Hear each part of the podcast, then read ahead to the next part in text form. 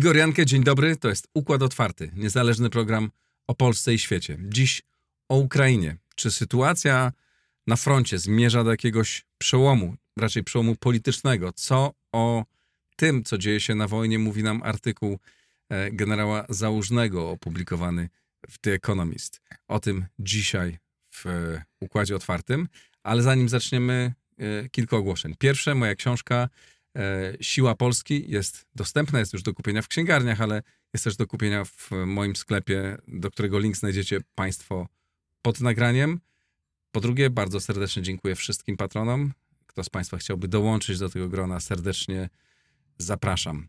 I bardzo dziękuję wszystkim, którzy wsparli zbiórkę na samochód. Ogłosiliśmy ją w piątek podczas rozmowy z generałem Skrzypczakiem i po 48 godzinach już było dwa razy więcej pieniędzy niż prosiliśmy. To niesamowite. Wiem od organizatorów zbiórki, że będzie, że po prostu kupią dwa samochody. A jeśli dołożycie Państwo jeszcze, to może trzy. E, zobaczymy, te samochody są bardzo potrzebne. Tyle ogłoszeń, zaczynamy rozmowę. A oto mecenasi Układu Otwartego. Kto wygra wielką grę mocarstw? Dokąd zaprowadzi nas rozwój sztucznej inteligencji? Zapisz się na XTB Investing Masterclass, bezpłatną konferencję online. Link pod nagraniem. E2V, firma, która zajmuje się sprzedażą zielonej energii w standardzie ESG.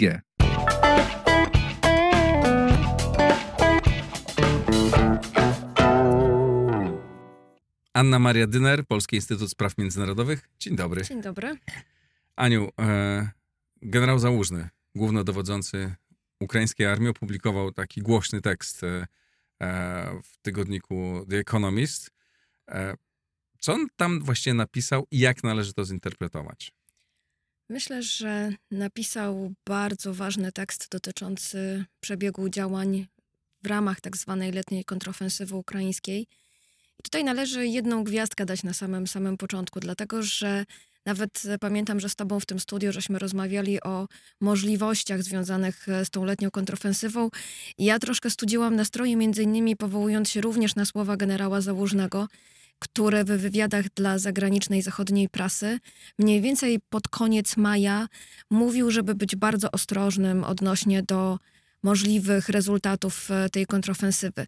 Tu oczywiście myślę, że nie tylko generał brał pod uwagę to, co się e, działo e, na odcinku frontu, powiedzmy tak, e, takim od Zaporoża na północ, mm, ale też później okazało się dość szybko, że nie dało się nawet myśleć o mm, zdobyciu Krymu, choćby ze względu na to, że zapora w Nowej Kachowce została wysadzona, co mniej więcej na odcinku obwodu hersońskiego i poniżej. Um, bardzo ograniczyło możliwości prowadzenia jakichkolwiek działań ofensywnych ze strony Ukrainy. Mm, z drugiej strony myślę, że generał Załużny doskonale widział i wiedział, w jaki sposób Rosjanie się przygotowują do obrony. E, nieco wyśmiewane przecież przez liczne osoby, tak zwana linia Surowikina. E, ona jednak e, pomogła się Rosjanom dość mocno e, okopać w tych miejscach, które oni chcieli bronić. Bardzo mocno utrudniło to, a w zasadzie uniemożliwiło przeprowadzenie kontrofensywy ze strony sił zbrojnych Ukrainy. I to jest jakby jeden element, to znaczy e, kwestia związana z tym, co zrobiła Rosja, i co w zasadzie było takim istotnym elementem uniemożliwiającym działanie e, strony ukraińskiej. I druga, druga ważna kwestia to jest, to jest oczywiście sprawa związana z uzbrojeniem. I ten tekst jest bardzo gorzki w moim odczuciu w wielu miejscach, dlatego że generał Załużny bardzo jasno punktuje, jakiego uzbrojenia Ukraina nie ma, jakiego nie otrzymała i dlaczego, choćby zgodnie ze standardami natowskimi, w zasadzie z góry ta kontrofensywa była skazana na porażkę. I bardzo wielu ekspertów to podkreślało, że na przykład bez lotnictwa, bez przewagi w powietrzu, taka kontrofensywa nie może się udać. Zgodnie z doktryną, która jest wykorzystywana przez NATO. I w zasadzie okazało się, że Sojusz ma absolutnie rację w tych swoich dokumentach doktrynalnych, dlatego że nie dało się tego zrobić. I Załużny też stwierdził, że obie strony w tym momencie dysponują podobnym sprzętem, podobnym rozpoznaniem, i w zasadzie brakuje nazwijmy to takiego sprzętu, który byłby tą wartością dodaną, która pozwoliłaby na przełamanie w tym momencie rosyjskiej obrony. O tym, w jakim stanie jest rosyjska armia, mówiliśmy się, że zrobimy taką krótką rozmowę tylko dla patronów. Będziecie Państwo mogli obejrzeć na, e, e, na e, moim profilu w serwisie Patronite. Zachęcam, popublikuję ją w tym samym czasie mniej więcej. Ale to nagramy, to pytanie zadam Ci na końcu. Ale jeszcze chciałem podrążyć o ten tekst, o ten tekst Załużnego, bo generał Skrzypczak, z którym rozmawiał, bardzo tak fundamentalnie skrytykował Załużnego, że popełnił błędy i że przyznał się do nich. On tak naprawdę, przy... on powiedział, że popełnił błąd w licząc na to, że kiedy Rosjanie stracą 150 tysięcy żołnierzy, no to wtedy e, jakby ulegną, tak? No tymczasem oni się, znaczy nie reprodukują się żołnierze, ale dostarczają po prostu ich kolejne e, nieskończone prawie ilości. Natomiast y, twoim zdaniem, po co on to opublikował? Bo to nie jest tak, że jest analitykiem, prawda, czy publicystą, miał taki pomysł, co tu zrobić, a to napisze fajny tekst do The Economista. Tak? Jeżeli głównodowodzący armii publikuje tekst w ważnym momencie, e, taki no, dosyć dramatyczny, e, to coś, coś ono oznacza. Twoim zdaniem, jaki mógł być tego cel?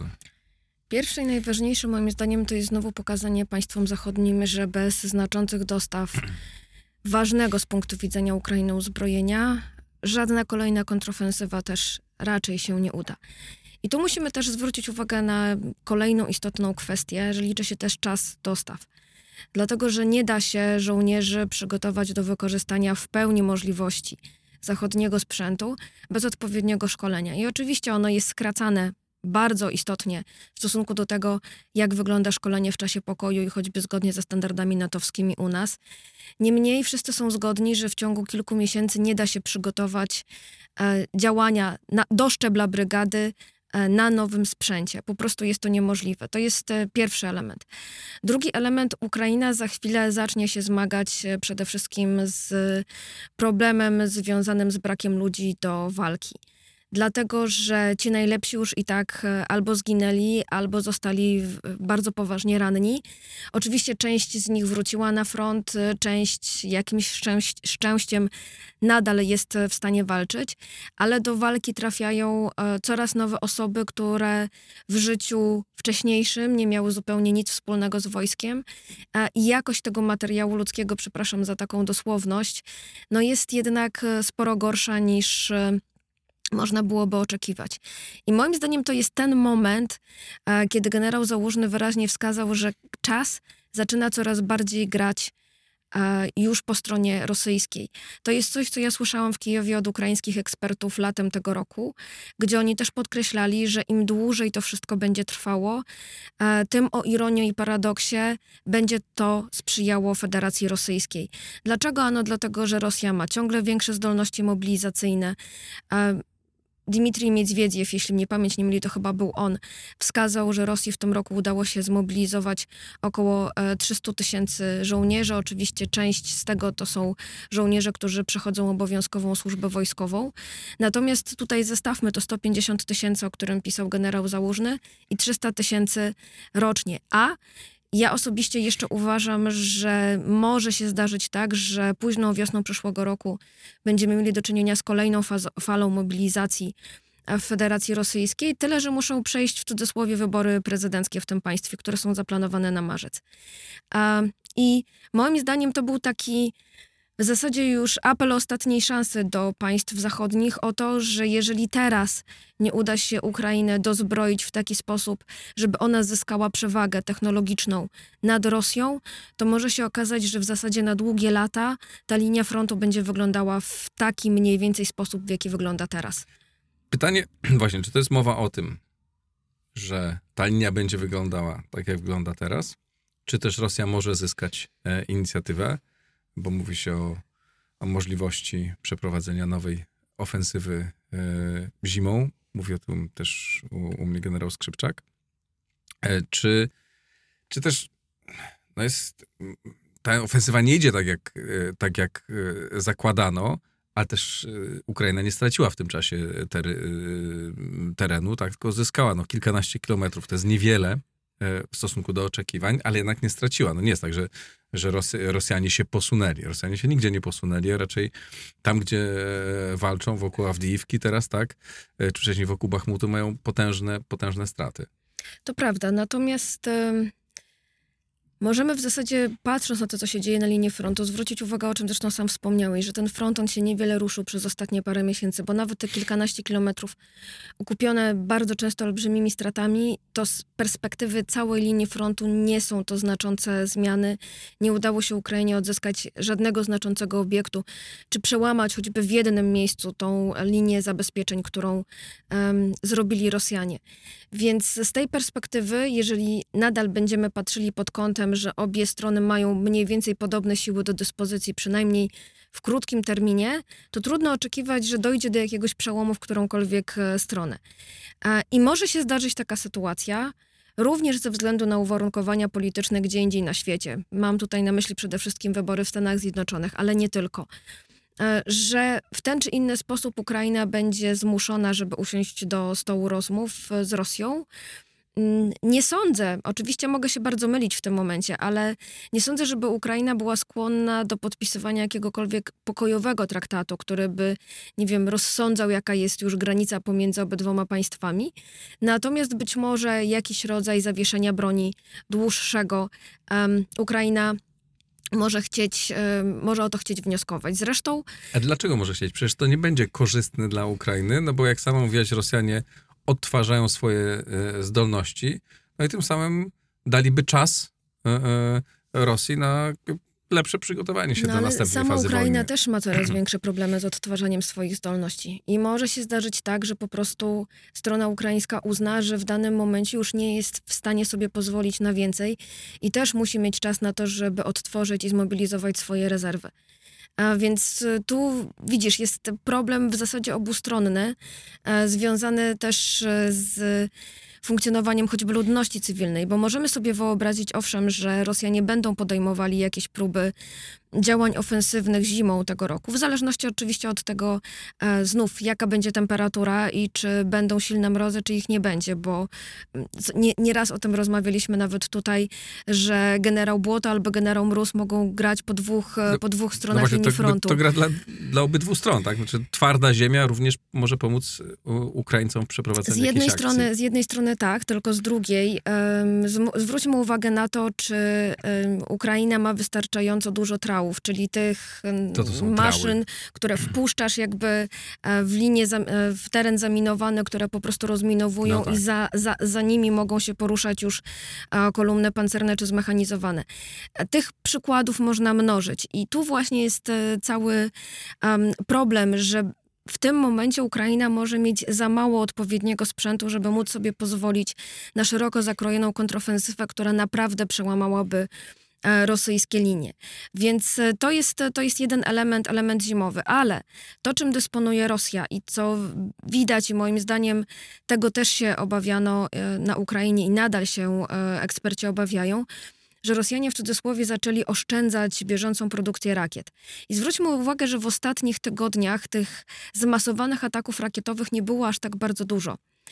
E, ja ciągle mam e, zainstalowaną w telefonie aplikację e, Air Alert, jeżeli chodzi o Kijów, i tam można sobie też sprawdzić cały teren Ukrainy.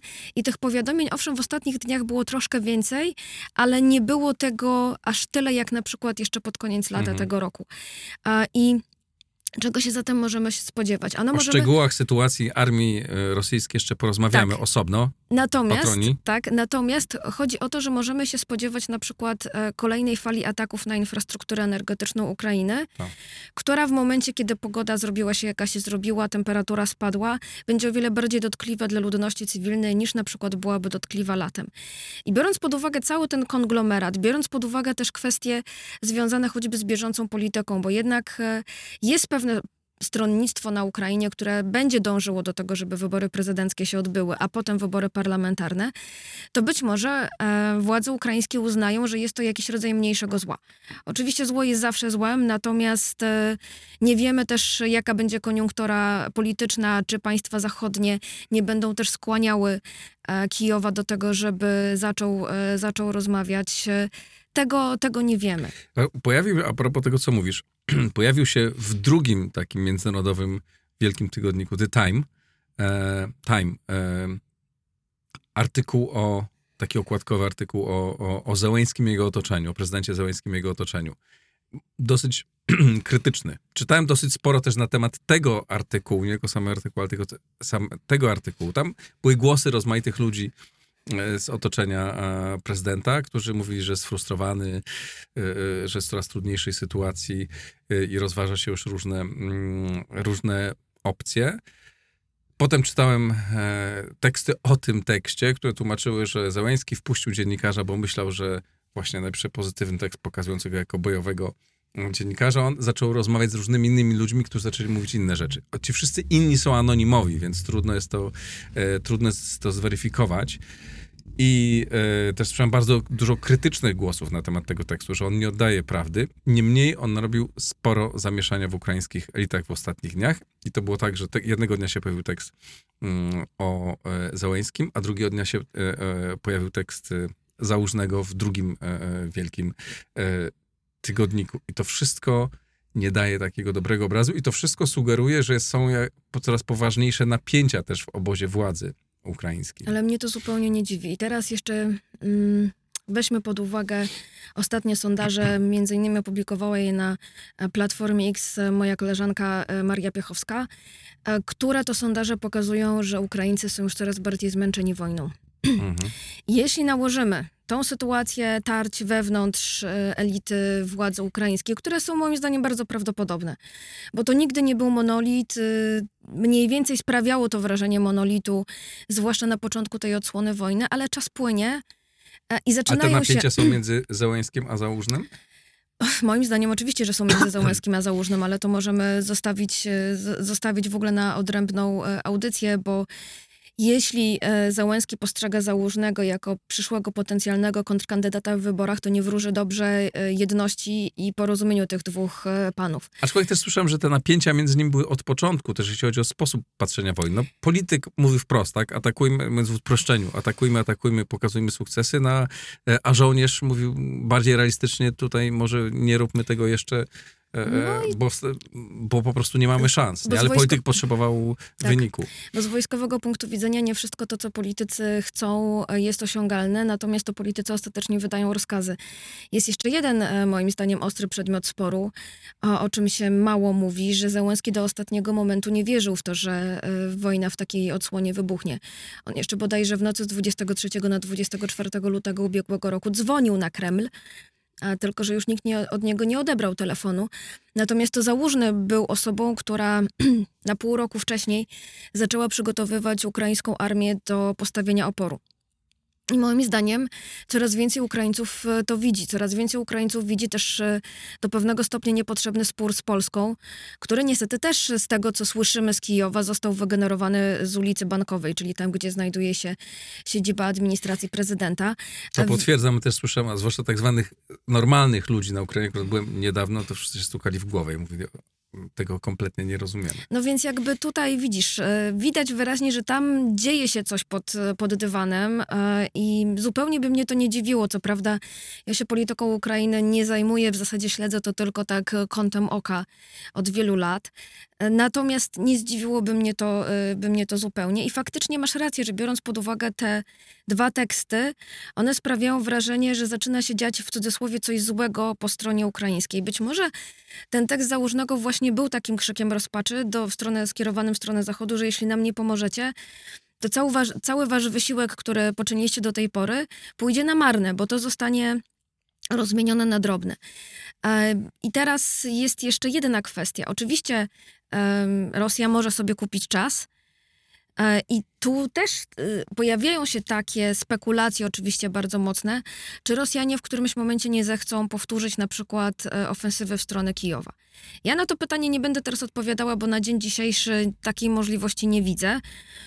Ale tego rodzaju spekulacje też, też się pojawiają. To może zostawimy na ostatnią część e, programu, no ale tutaj zadać sobie należy pytanie, co osiągnęła, co osiągnęła Rosja. I dla mnie patrząc na właśnie choćby te teksty, patrząc na, na to, co się dzieje na froncie, patrząc na właśnie coraz większe problemy Ukrainy, jeżeli chodzi o zdolności mobilizacyjne ludności, E, uważam, że powoli, ja nie wiem, czy ten moment będzie za miesiąc, dwa, czy, czy za pół roku, ale dochodzimy do być może najtrudniejszego momentu e, w tej wojnie, czyli po pierwsze, Ukraina będzie musiała sobie odpowiedzieć na pytanie, czy i na jakich warunkach siadać do stołu rozmów.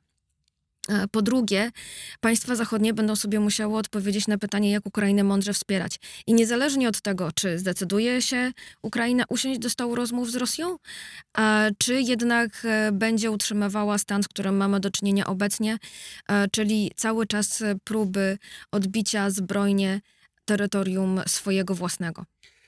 Mówiąc szczerze, rozmawiając z wieloma różnymi ludźmi na Ukrainie, nie jestem w stanie sobie wyobrazić tego, że społeczeństwo ukraińskie by wytrzymało taką decyzję, e, przyjęłoby taką decyzję e, polityczną prezydenta czy, czy, czy kogokolwiek. Nie? Tam zmęczenie wojną jest dużo, ale e, nienawiść do wroga i, i, i, i wola obrony i odbicia swoich terytoriów ciągle, ciągle jest bardzo duża. to już nie jest to, to już nie jest wola taka, że każdy z nich chce walczyć, nie? To już to, to się zmieniło rzeczywiście. Ale widzisz, Ale, mhm. tu dochodzimy właśnie do tego momentu, ja nie twierdzę, tak jak wspomniałam już, że to musi być od razu traktat pokojowy ale może to być jakiś rozejm, żeby też y, kupić też Ukrainie trochę czasu. Mhm. Oczywiście, że każda z tych decyzji, czy siadanie do stołu rozmów, czy nie siadanie do stołu rozmów, e, to jest decyzja przede wszystkim władz w Kijowie, e, przede wszystkim Ukrainy, e, bo oni będą tego ponosić konsekwencje w, te, w tę czy inną stronę. I tu niestety zaczynamy dochodzić do punktu, jak nieco w tragedii antycznej, że w zasadzie każda decyzja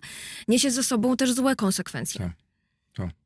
A w, jak ty oceniasz w tej chwili stan armii ukraińskiej? No bo z jednej strony założony pisze, nie mamy wszystkiego, co potrzebowaliśmy, tak? Ale z drugiej strony, no nie jest, dojechały, dojeżdżają już tam te dobre czołgi, tak? E, e, dojechały atakamsy. Już ich skutek ich e, działalności widać.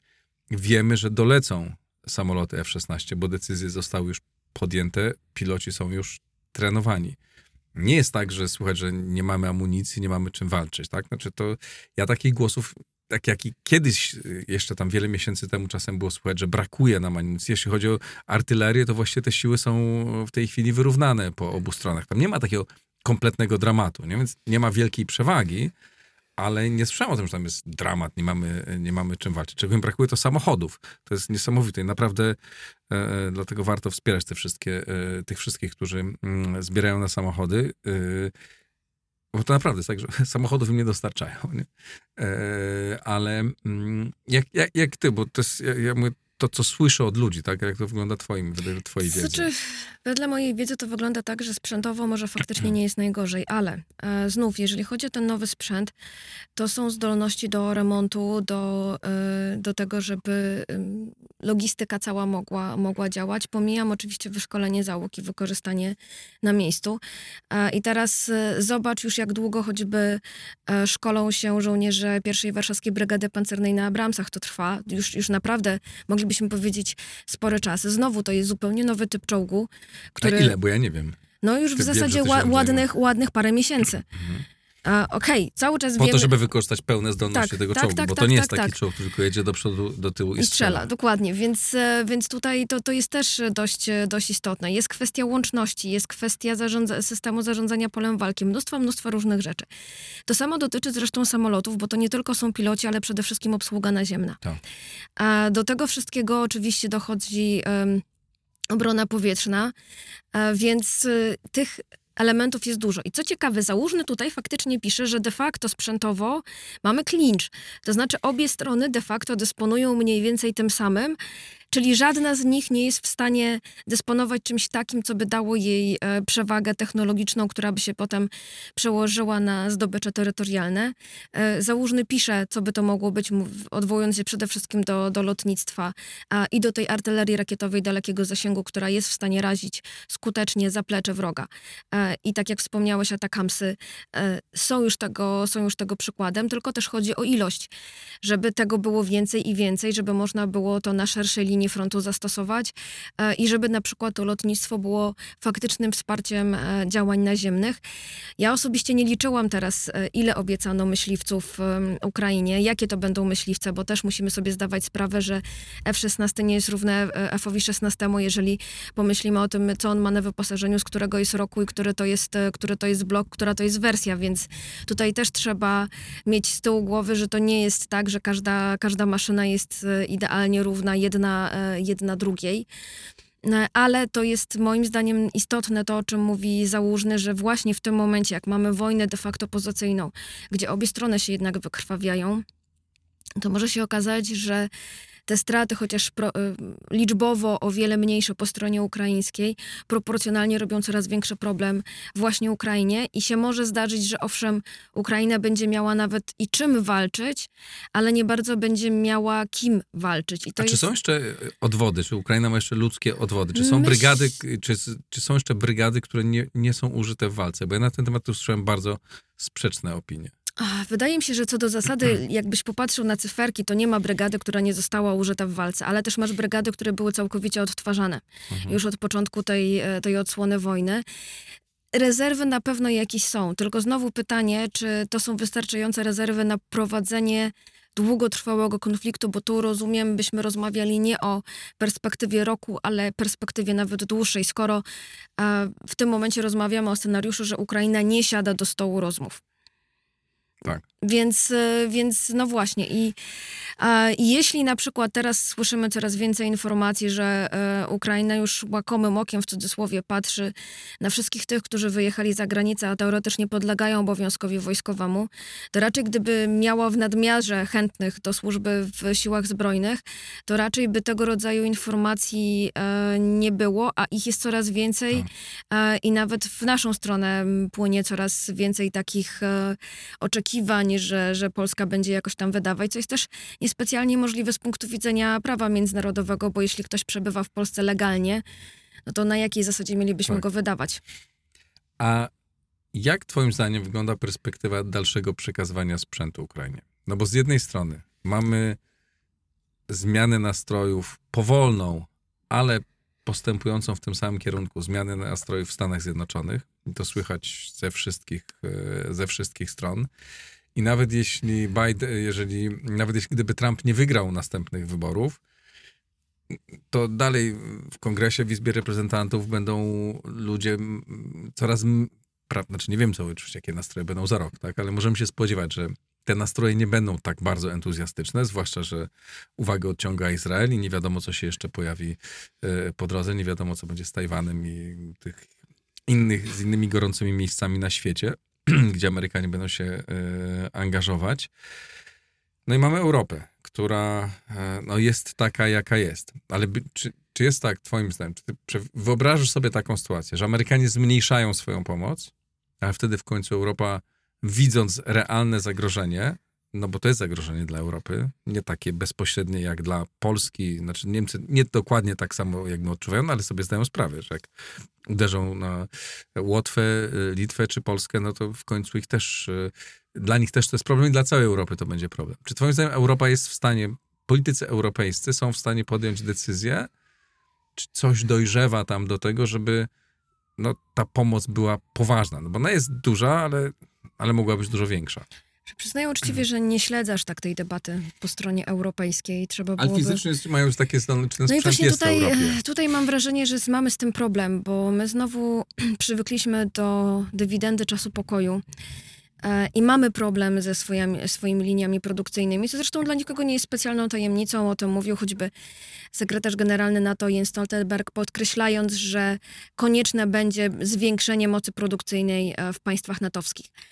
Mm, Więc wydaje mi się, że to nie jest tak, że lekką ręką my jesteśmy w stanie dorzucić o wiele więcej. Polska i tak już w zasadzie dała praktycznie wszystko, co mogła, ewentualnie w zależności od tego, jak będą postępowały dostawy czołgów, e, czy to czołgów Abrams, czy to czołgów K2 do Polski. Być może jeszcze będziemy w stanie oddać kilkadziesiąt wozów e, PT-91 twardy, natomiast e, już jakby więcej tych możliwości nie mamy. Co do stanu Bundeswehry, to znów e, dużo złego słyszeliśmy w, ostatnim, e, w ostatnich latach i w ostatnim czasie. Więc wydaje mi się, że tu niestety jest e, główne, główna przeszkoda, która polega na tym, że tego sprzętu wbrew pozorom nie jest aż e, tak dużo. I moim zdaniem tak naprawdę to, co przynajmniej mam nadzieję, że tym, tym się zajmie Stoltenberg w zasadzie w ostatnim roku swojej kadencji, bo sądzę, że w przyszłym roku na szczycie w Waszyngtonie raczej nie będzie ona przedłużona, ale tutaj zobaczymy. Natomiast zdecydowanie przed szczytem w Waszyngtonie państwa natowskie powinny zacząć wyciągać już bardzo poważne lekcje z tego, co się dzieje i, jednak podjąć decyzję o zwiększeniu mocy produkcyjnych w przemyśle zbrojeniowym, dlatego że ta wojna też pokazuje, jak duże jest zużycie amunicji, jak duże jest zużycie sprzętu. I jakie są tak naprawdę, jak, co to oznacza dla realnego zapotrzebowania. A czy cokolwiek w tej produkcji się zmieniło w ostatnim czasie? No bo o tym, że trzeba ją zwiększyć, to w zasadzie od początku wojny wszyscy mówią, bo Trochę- wszyscy sobie się zorientowali, tylko wojna wybuchła półtora Z roku temu. tego, z tego, co się orientuję, to Stany Zjednoczone trochę zwiększają produkcję. A my Europie. E, A w Europie nie jestem pewna, dlatego że ja tego aż tak mocno nie śledzę. To już byś Mhm. musiał pewnie moich kolegów e, z Instytutu zaprosić i z nimi konkretnie porozmawiać. Nie mam wrażenia, żeby były jakieś decyzje podejmowane, bo pewnie by się to przebiło do opinii publicznej. Natomiast faktem jest, że pod e, tym kątem myślę, że my jako Polska jesteśmy jednak pewnym ewenementem, jeśli chodzi i o zakupy, i o e, myślenie o tej produkcji. Natomiast, e, no cóż, jesteśmy państwem frontowym i ja cały czas przypominam, że de facto z punktu widzenia prawa międzynarodowego mamy trójkę sąsiadów, którzy są w stanie wojny. Tak.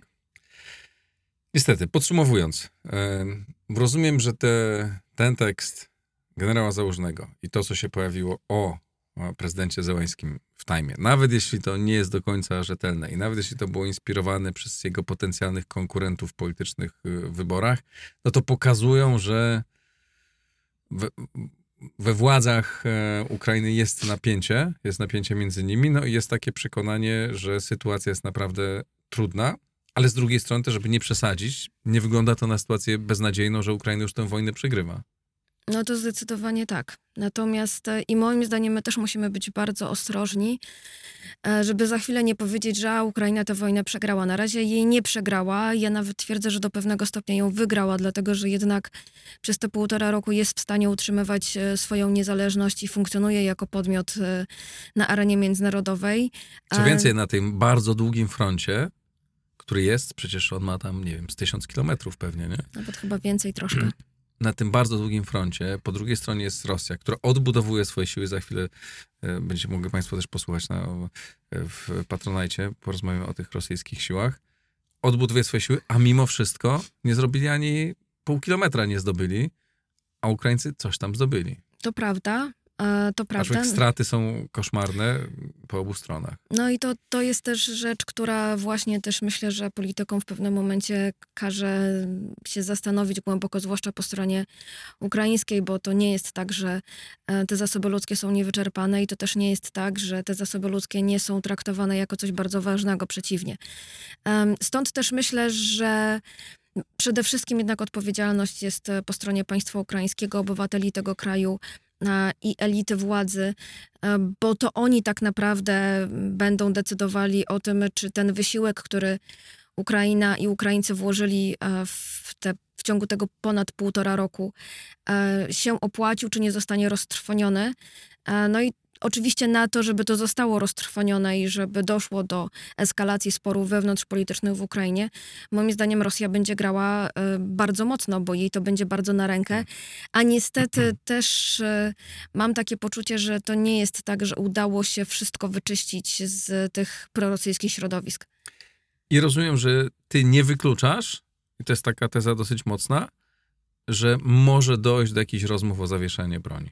Nie wykluczam oczywiście, to nie będzie kwestia najbliższych kilku miesięcy, natomiast w perspektywie roku, jeśli sytuacja wyglądałaby mniej więcej tak, jak wygląda obecnie, to nie wykluczam, że prędzej czy później tego rodzaju pomysły, tego rodzaju idee będą coraz głośniejsze. Pytanie, co zrobi Rosja, ale może o tym za chwilę. Tak jest. Bardzo Ci dziękuję. To wszystko w tej rozmowie. Zapraszam patronów na patronite.pl. Tam chwilę rozmowy na temat y, y, sytuacji stanu armii rosyjskiej. Na dziś to wszystko. Dziękuję bardzo. Do zobaczenia. Do usłyszenia.